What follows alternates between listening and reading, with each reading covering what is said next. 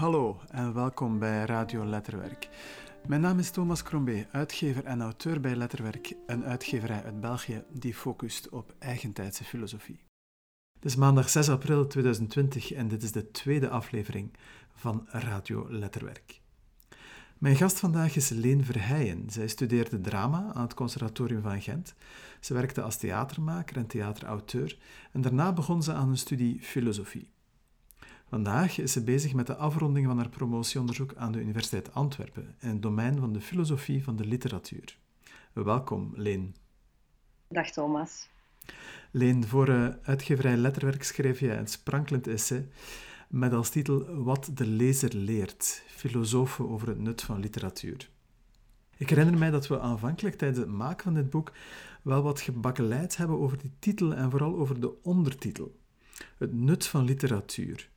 Zou jij even kunnen toelichten wat die titel oproept en misschien ook wel welke foute associaties die titel kan oproepen? Ja, de discussie die wij toen heb, hebben gehad, um, ja, ging eigenlijk vooral over dat woordje nut. Um, en over heel het idee um, dat, dat het woord nut gebruiken als het over literatuur gaat, dat een beetje het beeld oproept dat je literatuur ziet als een soort van middel uh, om een bepaald doel te, te bereiken. Ja. En, en zelf sta ik, daar, sta ik daar wat kritisch tegenover. Um, heel het idee dat literatuur een soort van onmiddellijke inzetbaarheid heeft en een duidelijk effect heeft. Um, in het boek gebruik ik een aantal voorbeelden van rechters die bijvoorbeeld een, uh, een leesstraf opleggen aan een, aan een veroor veroordeelde als, als deel van hun straf. En um, ik denk dat daar best wel wat vraagtekens bij te plaatsen zijn bij dat soort van, van maatregelen. Het lijkt een beetje het, het idee dat literatuur een soort van wonderoplossing is. Alsof dat je mensen een boek kan geven en uh, hocus pocus pats, iedereen wordt, uh, wordt plots heel empathisch en, uh, en komt tot allerlei inzichten. Terwijl het natuurlijk niet zo simpel is als dat. Ja. Um, maar tegelijkertijd denk ik ook wel um, dat dat niet wil zeggen dat literatuur geen effect heeft. En, en denk ik dat literatuur wel degelijk een, een, een heel belangrijk deel uitmaakt van, van wie wij zijn en, en, en ons echt wel stuurt in, in hoe wij denken en handelen. Alleen denk ik dat die effecten niet zo stuurbaar zijn als dat we vaak willen geloven. Ja, het is inderdaad zo dat er een aantal rechters zijn geweest, zoals een politierechter die Ja. zegt... Um, je hebt uh, gevaarlijke rijgedrag gedaan. Je zou beter eens die roman Tonio lezen van AFTH van der Heijden, omdat het daarin precies gaat over iemand die zijn zoon verliest na een verkeersongeluk. Maar volgens jou, als ik je goed begrijp, wordt literatuur dan geïnstrumentaliseerd. Het wordt een beetje... Uh, het verliest een beetje van zijn waarde eigenlijk, precies om het zo nuttig te willen maken.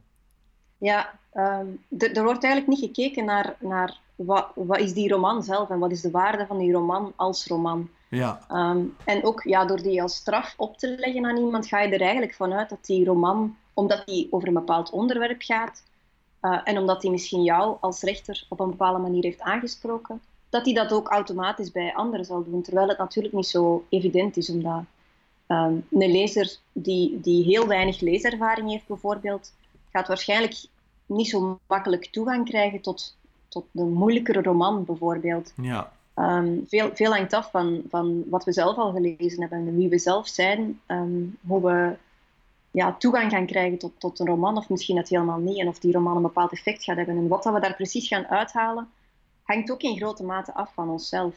Oké. Okay. Dat is de actualiteit, denk ik, die het, uh, van het boek, uh, actualiteit mm -hmm. van het thema, het, het feit dat de literatuur zo nuttig wordt gemaakt of gezien wordt als een, zekere, als een instrument. Ja. Um, maar wat boeit jou, boeit jou persoonlijk aan het onderwerp? Waarom zouden we volgens jou best wel eens moeten luisteren naar wat filosofen te vertellen hebben over literatuur? Zouden we niet beter naar, naar schrijvers zelf kunnen luisteren? Hm. Goh, uh, om, met uw eerste vraag te beginnen, wat boeit mij aan het onderwerp? Um, ik denk dat, dat de reden waarom ik mij daarin vastgebeten heb, is dat het de vraag aansluit bij een intuïtie die ik zelf als lezer heb, maar die, die ongetwijfeld heel veel andere lezers hebben. Namelijk dat het lezen van literatuur niet een soort van tijdverdrijf is, een soort van hè, hè, we gaan ons even rustig ontspannen. Um, niet alleen dat, het is dat natuurlijk ook. Um, dat, dat het ook een belangrijke rol speelt in, in, zoals ik daar straks zei, wie we zijn, hoe wij denken, hoe wij handelen. Ja. Um, maar tegelijkertijd merkte ik ook wel dat door daar filosofisch mee bezig te zijn, dat daar heel veel theorieën over bestaan, maar dat die heel vaak onbevredigend zijn op allerlei verschillende manieren. Bijvoorbeeld omdat het literatuur te veel voorstelt als een wonderoplossing, zoals ik daarnet ja. al aanhaalde. Ja. Of omdat ze de lezer zelf buiten beschouwing uh, laat. Wat, wat ik daarnet ook zei, van, uh, dat er te weinig aandacht wordt gegeven aan het feit dat een bepaalde lezer met een bepaalde achtergrond een roman waarschijnlijk helemaal anders gaat lezen. Oké. Okay. Uh, of, of bijvoorbeeld omdat ze een veel te beperkt beeld hebben van wat literatuur is. Bijvoorbeeld, um, er zijn wat theorieën um, die, die stellen dat we door te lezen empathischer worden, bijvoorbeeld, en ons beter okay. gaan inleven in, in anderen. Ja. Terwijl dat, dat natuurlijk niet bij alle literaire werken zo, zo is. Ja. Uh, en dat maakt eigenlijk, ja. Ja als ik me niet vergis, is uh, is de Amerikaanse filosoof Martha Nussbaum die die opvatting verkondigt, dat literatuur ons ja. inderdaad empathischer kan maken, ons mensenkennis kan leveren die we misschien op een andere manier niet zo makkelijk zouden kunnen opdoen. Wat, wat is precies jouw probleem met die theorie? Goh, um, het probleem daarmee is, is dus enerzijds dat het een te beperkt idee is van wat, wat literatuur is en kan zijn. Uh, in de zin dat er, dat er ja, de, de, de, hele idee van literatuur leert ons om hoe het is om in een bepaalde situatie te verkeren. Bijvoorbeeld is, is best populair ja. onder filosofen die met literatuur bezig zijn. Maar het probleem is dat er heel veel, veel literaire werken daar dan buiten vallen. En dat zijn dan vaak wel literaire werken die we, die we wel hoog achten binnen de literaire kanon of zo. Bijvoorbeeld een, een ja, haast onleesbaar werk als Ulysses van James Joyce. Uh, denk ik dat, dat weinig lezers zich daar een soort van empathische verhouding mee, mee met dat werk aangaan. Ja. En zo zijn er, zijn er best wel nog wat. Um, ja. En, en buiten, ja. buiten het idee dat er, dat er maar een, een beperkt aantal uh, vormen van literatuur passen binnen dat idee van literatuur maakt ons empathisch, kun je ook de vraag stellen of um, het idee wat dat je krijgt, dat je, dat je iets geleerd hebt over hoe het is om in een bepaalde situatie te leven, of dat dat idee wel echt strookt met de werkelijkheid. Want een schrijver kan bijzonder getalenteerd zijn en kan jou misschien doen geloven dat je nu effectief weet hoe het is om een kind te verliezen of hoe het is om uh, een vluchteling te zijn. Uh, terwijl die schrijver dat misschien zelf nooit heeft meegemaakt en dat ook maar allemaal verzint. Ja. En misschien klopt die ervaring die beschreven wordt, hoe overtuigend ook, helemaal niet met hoe die, hoe die ervaring echt is voor iemand die daar echt doorgaat. Dus een soort valse inleving of een soort valse herkenbaarheid. Ja, ja dat je, dat je, je krijgt een soort van vervangervaring van hoe het is om in een bepaalde situatie te zijn. En soms kan dat zijn dat die vervangervaring redelijk accuraat weergeeft hoe die reële ervaring is, maar dat is niet noodzakelijk het geval. En je kan het idee hebben dat je, dat je nu een goed beeld hebt, maar het kan ook zijn dat dat helemaal niet het geval is. Ja, dat is een eerste groep, eh, die empathietheorie, kun je zeggen, die behoort tot een eerste groep van theorieën die je bespreekt in het boek. Dat zijn uh, theorieën die zeggen literatuur is een bron van kennis. Ja. Um, wil je daar nog iets meer over zeggen? Kun je zeggen wat, wat daar... Zijn er nog andere veronderstellingen die je vanuit die opvatting kunt projecteren op literatuur? Um, ja, zo de, de hele idee um, dat literatuur ons empathisch maakt, is, is maar één vorm van opvattingen over wat voor soort kennis literatuur ons oplevert.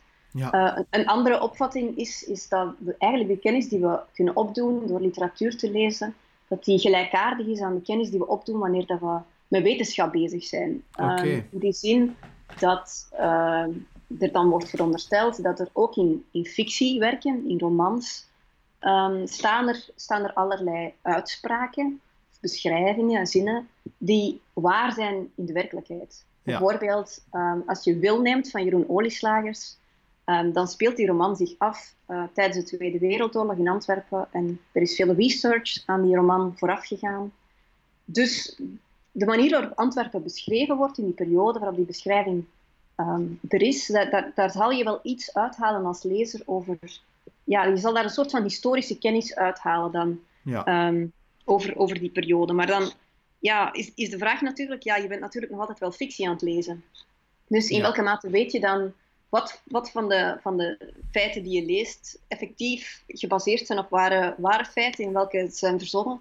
Dus dat, dus dat wordt dan heel vaag en hoe moet je dan als lezer uitmaken um, wat, wat nu de, de echte kennis is die je hebt opgedaan. En ja, en, uh, ja lijkt, lijkt het dan toch beter, als je echt historische kennis wilt opdoen, om dan misschien toch maar een historisch werk van een historicus te gaan lezen in plaats van een roman te gaan lezen. Ja, dus dan lijkt... ja, ja, de vraag is natuurlijk ook of lezers dat precies daarom aangetrokken zijn door het boek. Ja, ja omdat, het, uh, omdat het dat beeld geeft van de historische werkelijkheid en als ze niet eerder op zoek zijn naar iets anders in het boek. Mhm.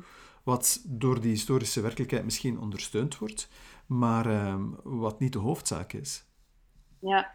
ja. Ja. ik zie het ook wel zo. Dat het, de hele setting die er, die er is, ja, wordt natuurlijk gebruikt om een soort van grote verhaal te vertellen. En, en iets te vertellen over, in het, in het geval van Wil, over, over schuld en onschuld en over goed en kwaad. En, en hoe vaag dat dan die begrippen soms worden en hoe, en hoe onduidelijk het soms kan zijn van ben ik nu het goede aan het doen of net niet. En, en, en hoe moeilijk het soms is om een oordeel te vellen over de ethische keuzes die iemand anders maakt. Dus het vertelt iets veel groter dan, dan een soort loutere beschrijving van wat er zich in de jaren 40 in Antwerpen heeft plaatsgevonden.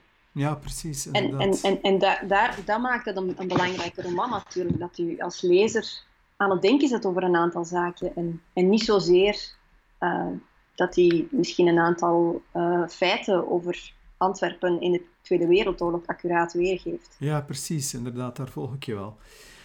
Nu, laten we eens gaan kijken naar andere theorieën van literatuur, want het is maar één overtuiging natuurlijk mhm. dat uh, literatuur een bron van kennis kan zijn. Aan de andere kant, uh, en die, op die theorie ga je ook uitvoerig in in je boek, um, heb je theorieën die zeggen literatuur is een autonome activiteit en kun je niet mhm. zomaar reduceren tot een bron van kennis.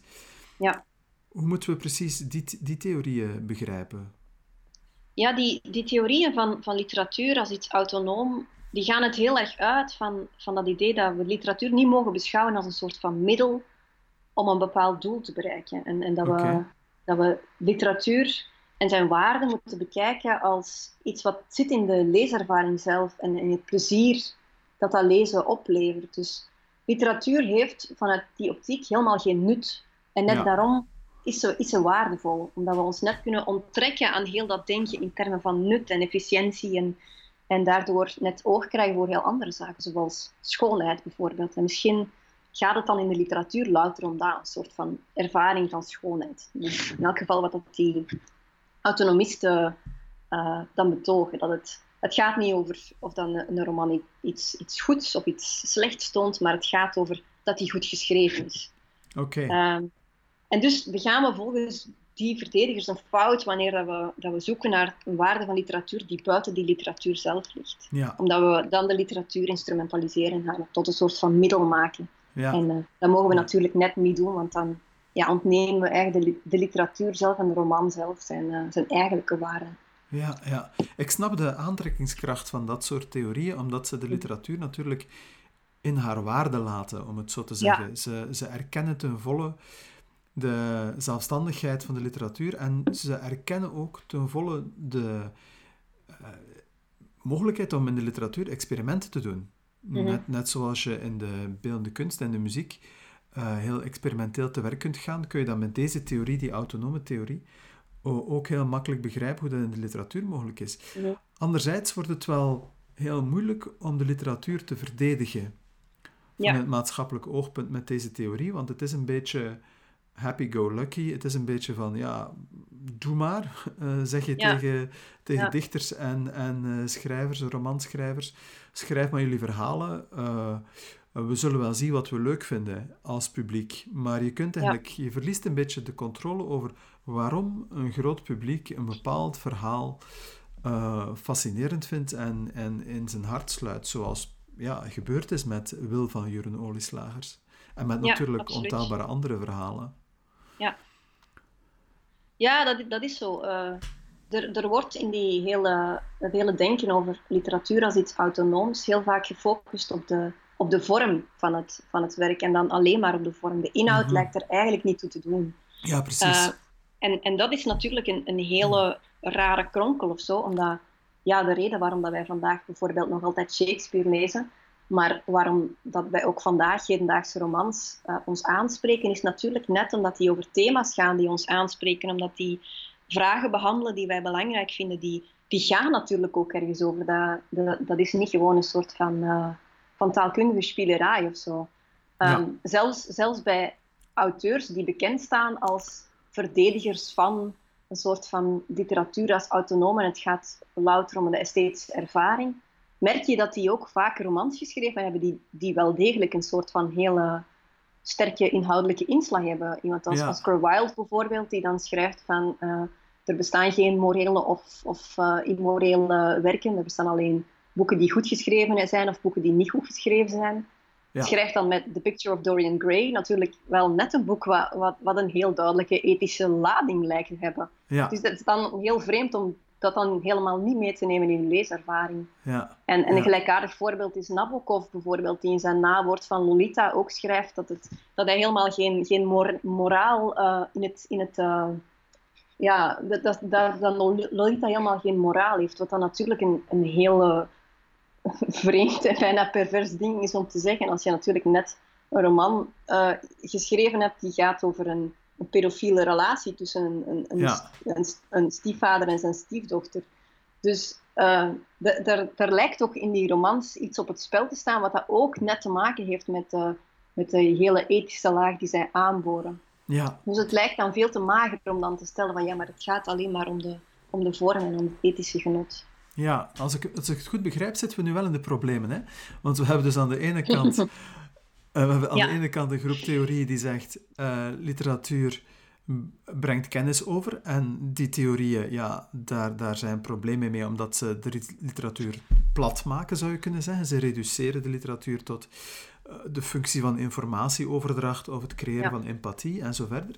Anderzijds hebben we uh, autonome theorieën die insisteren op de zelfstandigheid van de literatuur, maar die komen dan weer terecht in een soort van vacuüm, een, een, een ethisch vacuüm zouden we kunnen zeggen, waar literatuur niks meer te betekenen heeft. En dat klopt ook niet, want we zien dat literatuur wel degelijk een maatschappelijke, sociale uh, functie heeft. Dus als ik jou goed begrijp, argumenteer je in het boek om die tegenstelling eigenlijk um, ja, op te blazen, zodat je er voorbij geraakt. Ja, ik ja, ik zoek, eigenlijk, ik zoek eigenlijk inderdaad naar een, naar een soort tussenweg tussen die posities, door te laten zien dat, die, ja, dat het een niet noodzakelijk het ander uitsluit. Door te zeggen dat, dat we literatuur wel moeten beschouwen als iets autonoom, waarmee ik wil zeggen dat het niet een soort van middel is en we het niet meteen uh, kunnen inzetten en, en dat het duidelijk bepaalde, bepaalde effecten heeft die we kunnen gebruiken op een bepaalde manier. Ehm, denk ik dat, dat, het, dat het buiten autonoom te zijn ook wel iets zegt over de werkelijkheid, maar dat hij dat op een heel bijzondere manier doet.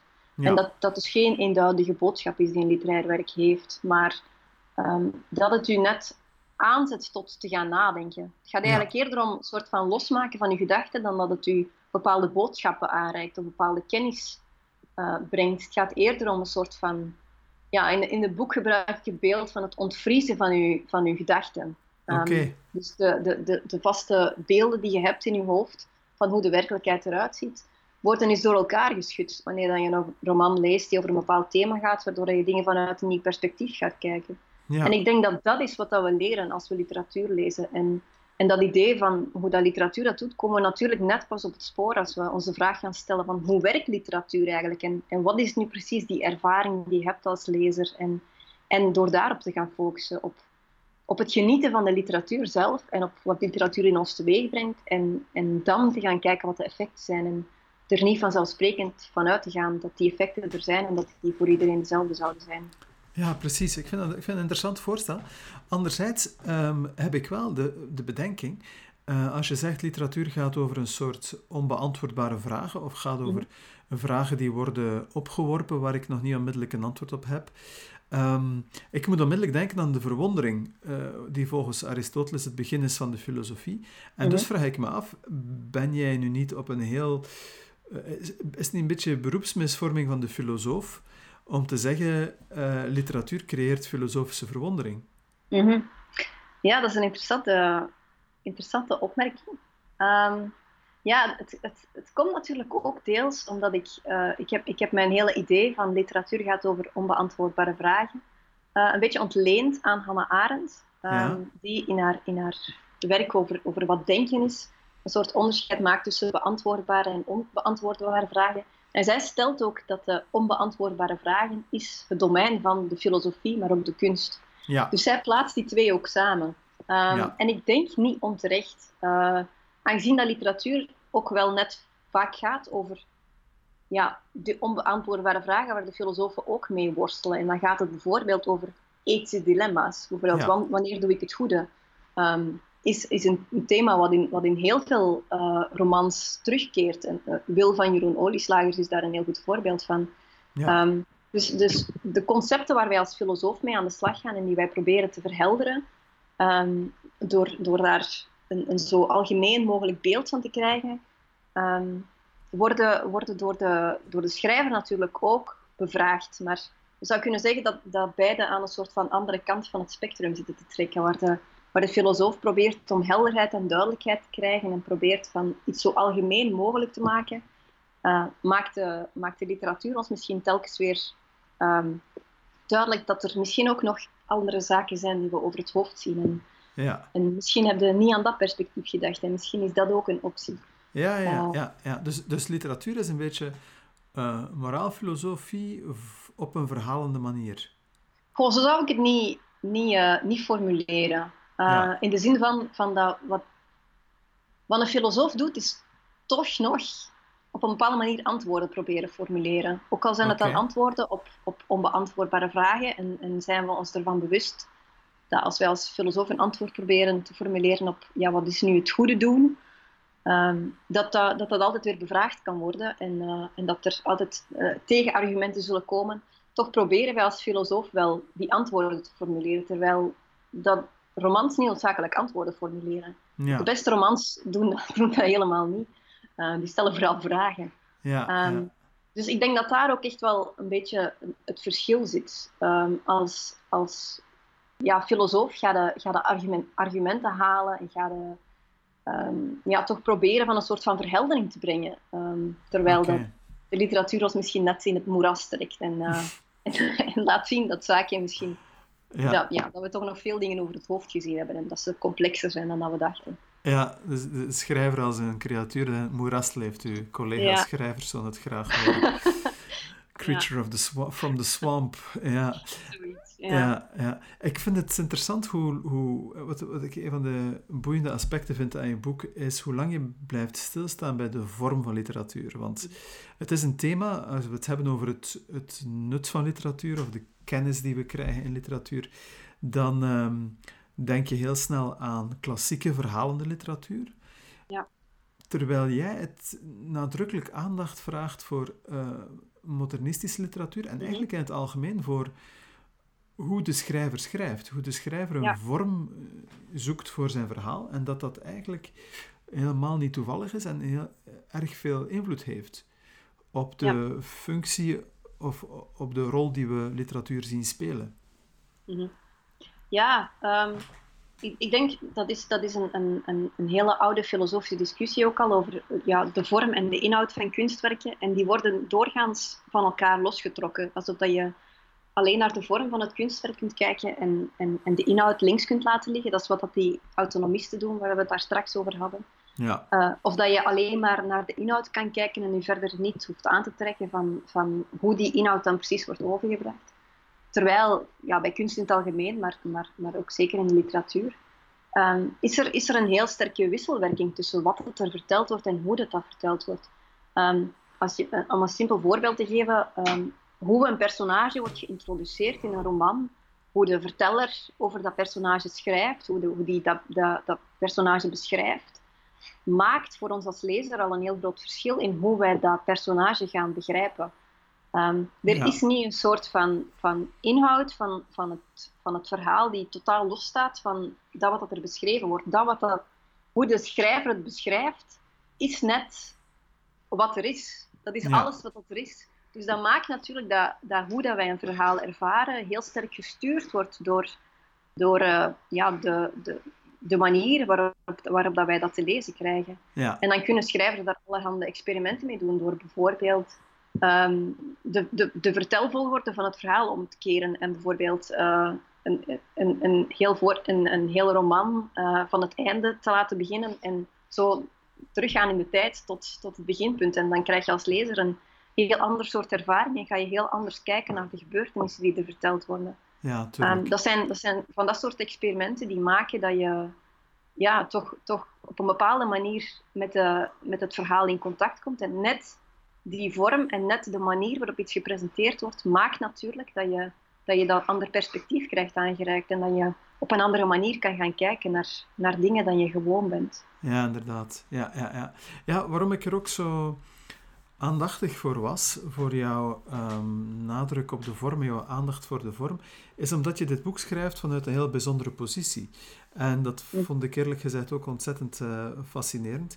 Jij bent zelf als een van de weinige mensen, denk ik, in de bijzondere situatie dat je zelf literatuur schrijft, vooral theatertekst en poëzie dan, uh, maar ook als filosoof naar de literatuur kijkt. Dus ik vroeg me af in hoeverre heeft dat een, is die dubbele positie um, belangrijk geweest voor jou tijdens het schrijfproces van dit boek? En in hoeverre zijn de, je kunt ook omgekeerd zien natuurlijk, in hoeverre zijn de theorieën die je bestudeerd hebt ook van toepassing op je eigen werk? Is er daar een soort van feedback loop geweest, een soort van uh, vicieuze cirkel misschien zelfs, om het negatief uit te drukken, tussen de theorie die je opstelt en de theorieën die je bestudeert en het werk dat je produceert? Ja, ik denk sowieso dat mijn, dat mijn eigen ervaringen als schrijver, uh, maar, maar zeker ook mijn ervaringen als lezer, dat die altijd wel een soort van toetssteen geweest zijn bij het uitwerken van mijn, van mijn filosofische ideeën over literatuur en, en ook bij het bevragen van, van theorieën van anderen. Uh, en dat ik, dat ik bij, bij sommige filosofische theorieën bijvoorbeeld al makkelijker vraagtekens plaatste, omdat ik merkte dat die helemaal niet aansloten bij hoe ik als schrijver uh, in, in zo'n proces gestaan had. En in die zin is de, is de theorie die ik zelf uitwerk, zijnde dat literatuur gericht is op ja, het, onze beantwoordbare vragen die we ons stellen, um, is die zeker van toepassing op mijn, op mijn eigen werk als, als schrijver. Omdat ze daar ook wel... Ja, ik, ik, ik kom pas met, met, met dit idee naar, naar buiten komen als ik voor mijzelf ook het gevoel heb, had van ja, dit klopt mij hoe ik zelf als lezer dit ervaar, maar ook hoe ik dit als schrijver ervaar. Oké, ja, ehm, ja. En, en de omgekeerde richting, ben je anders gaan schrijven? Ben je bewuster gaan schrijven? Ben je nuttiger gaan schrijven, tussen aanhalingstekens, uh, nadat je dit onderzoek hebt gedaan? Ja, dat, dat vind ik een moeilijke vraag. Ehm, ik denk uh, dat, ik, dat ik net helemaal niet nuttiger gaan schrijven ben, net in tegendeel. Uh, in, in de zin van dat ik denk dat, dat wat mijn onderzoek als, als literatuurfilosoof mij dan vooral geleerd heeft, is dat als, als je aan het schrijven bent en als je schrijver bent, dat je dan de filosoof ehm, even in de kast moet zetten. Ja.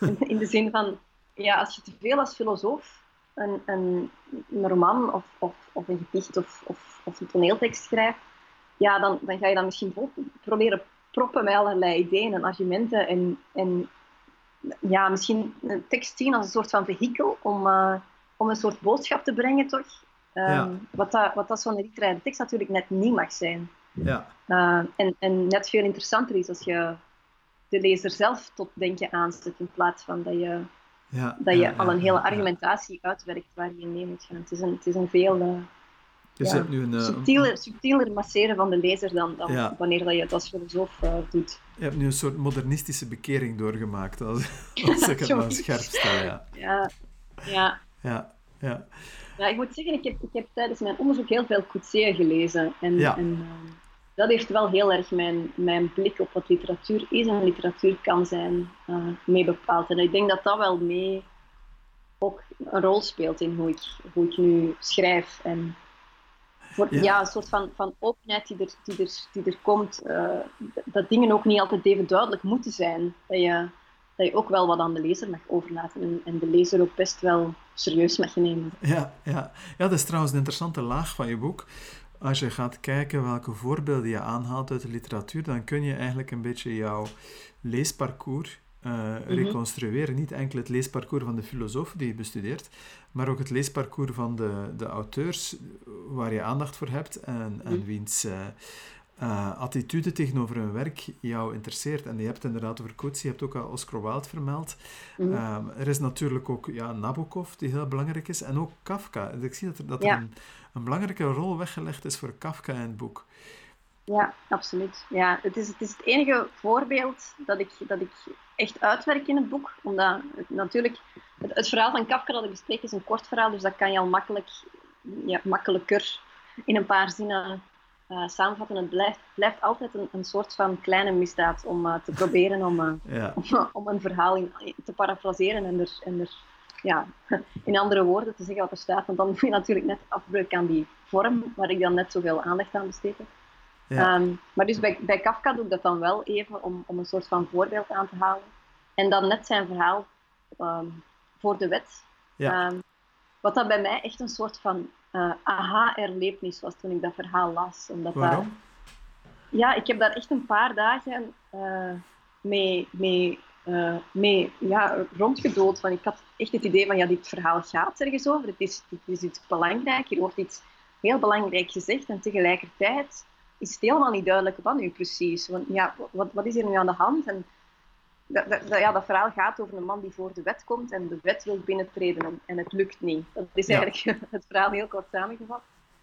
Maar, maar het blijft zoveel onduidelijk van ja, wat, wat is de wet? Over welke wet heeft Kafka het? En ja. alleen al dat maakt dat je, dat je als lezer heel veel invullingen kan geven in dat verhaal. En dat, dat is een, een kort verhaal van, ik denk dat het, als je het in een boek ziet staan, twee pagina's is of zo. En, en daar bestaan al zoveel commentaren en kritieken op van ja, literatuurwetenschappers en, en mensen allerhande die proberen van dat verhaal te doorgronden, want er wordt duidelijk iets heel belangrijk gezegd. Maar Ja. wat precies? Ja, inderdaad. En dat maakt, dat maakt literatuur net zo, zo fascinerend. Ehm, dat je ja, eh, het, het gevoel kan hebben van hier staat iets op het spel, dit is belangrijk, maar, maar ik kan het, ik kan het niet, niet per se heel rationeel verklaren wat, waar het nu over gaat of zo, maar het doet wel, wel iets met mij en het, het betekent duidelijk iets. Ja, precies. Dat is een heel mooi voorbeeld trouwens. Het, oh, uh, voor de wet van Kafka is een heel mooi voorbeeld, denk ik, van die onbeantwoordbare vragen waar je het over had, die literatuur opwerpt. Ja. Ja. Dankjewel, Leen, voor dit mooie gesprek over je boek. Mm -hmm. uh, Wat de lezer leert, filosofen over het nut van literatuur.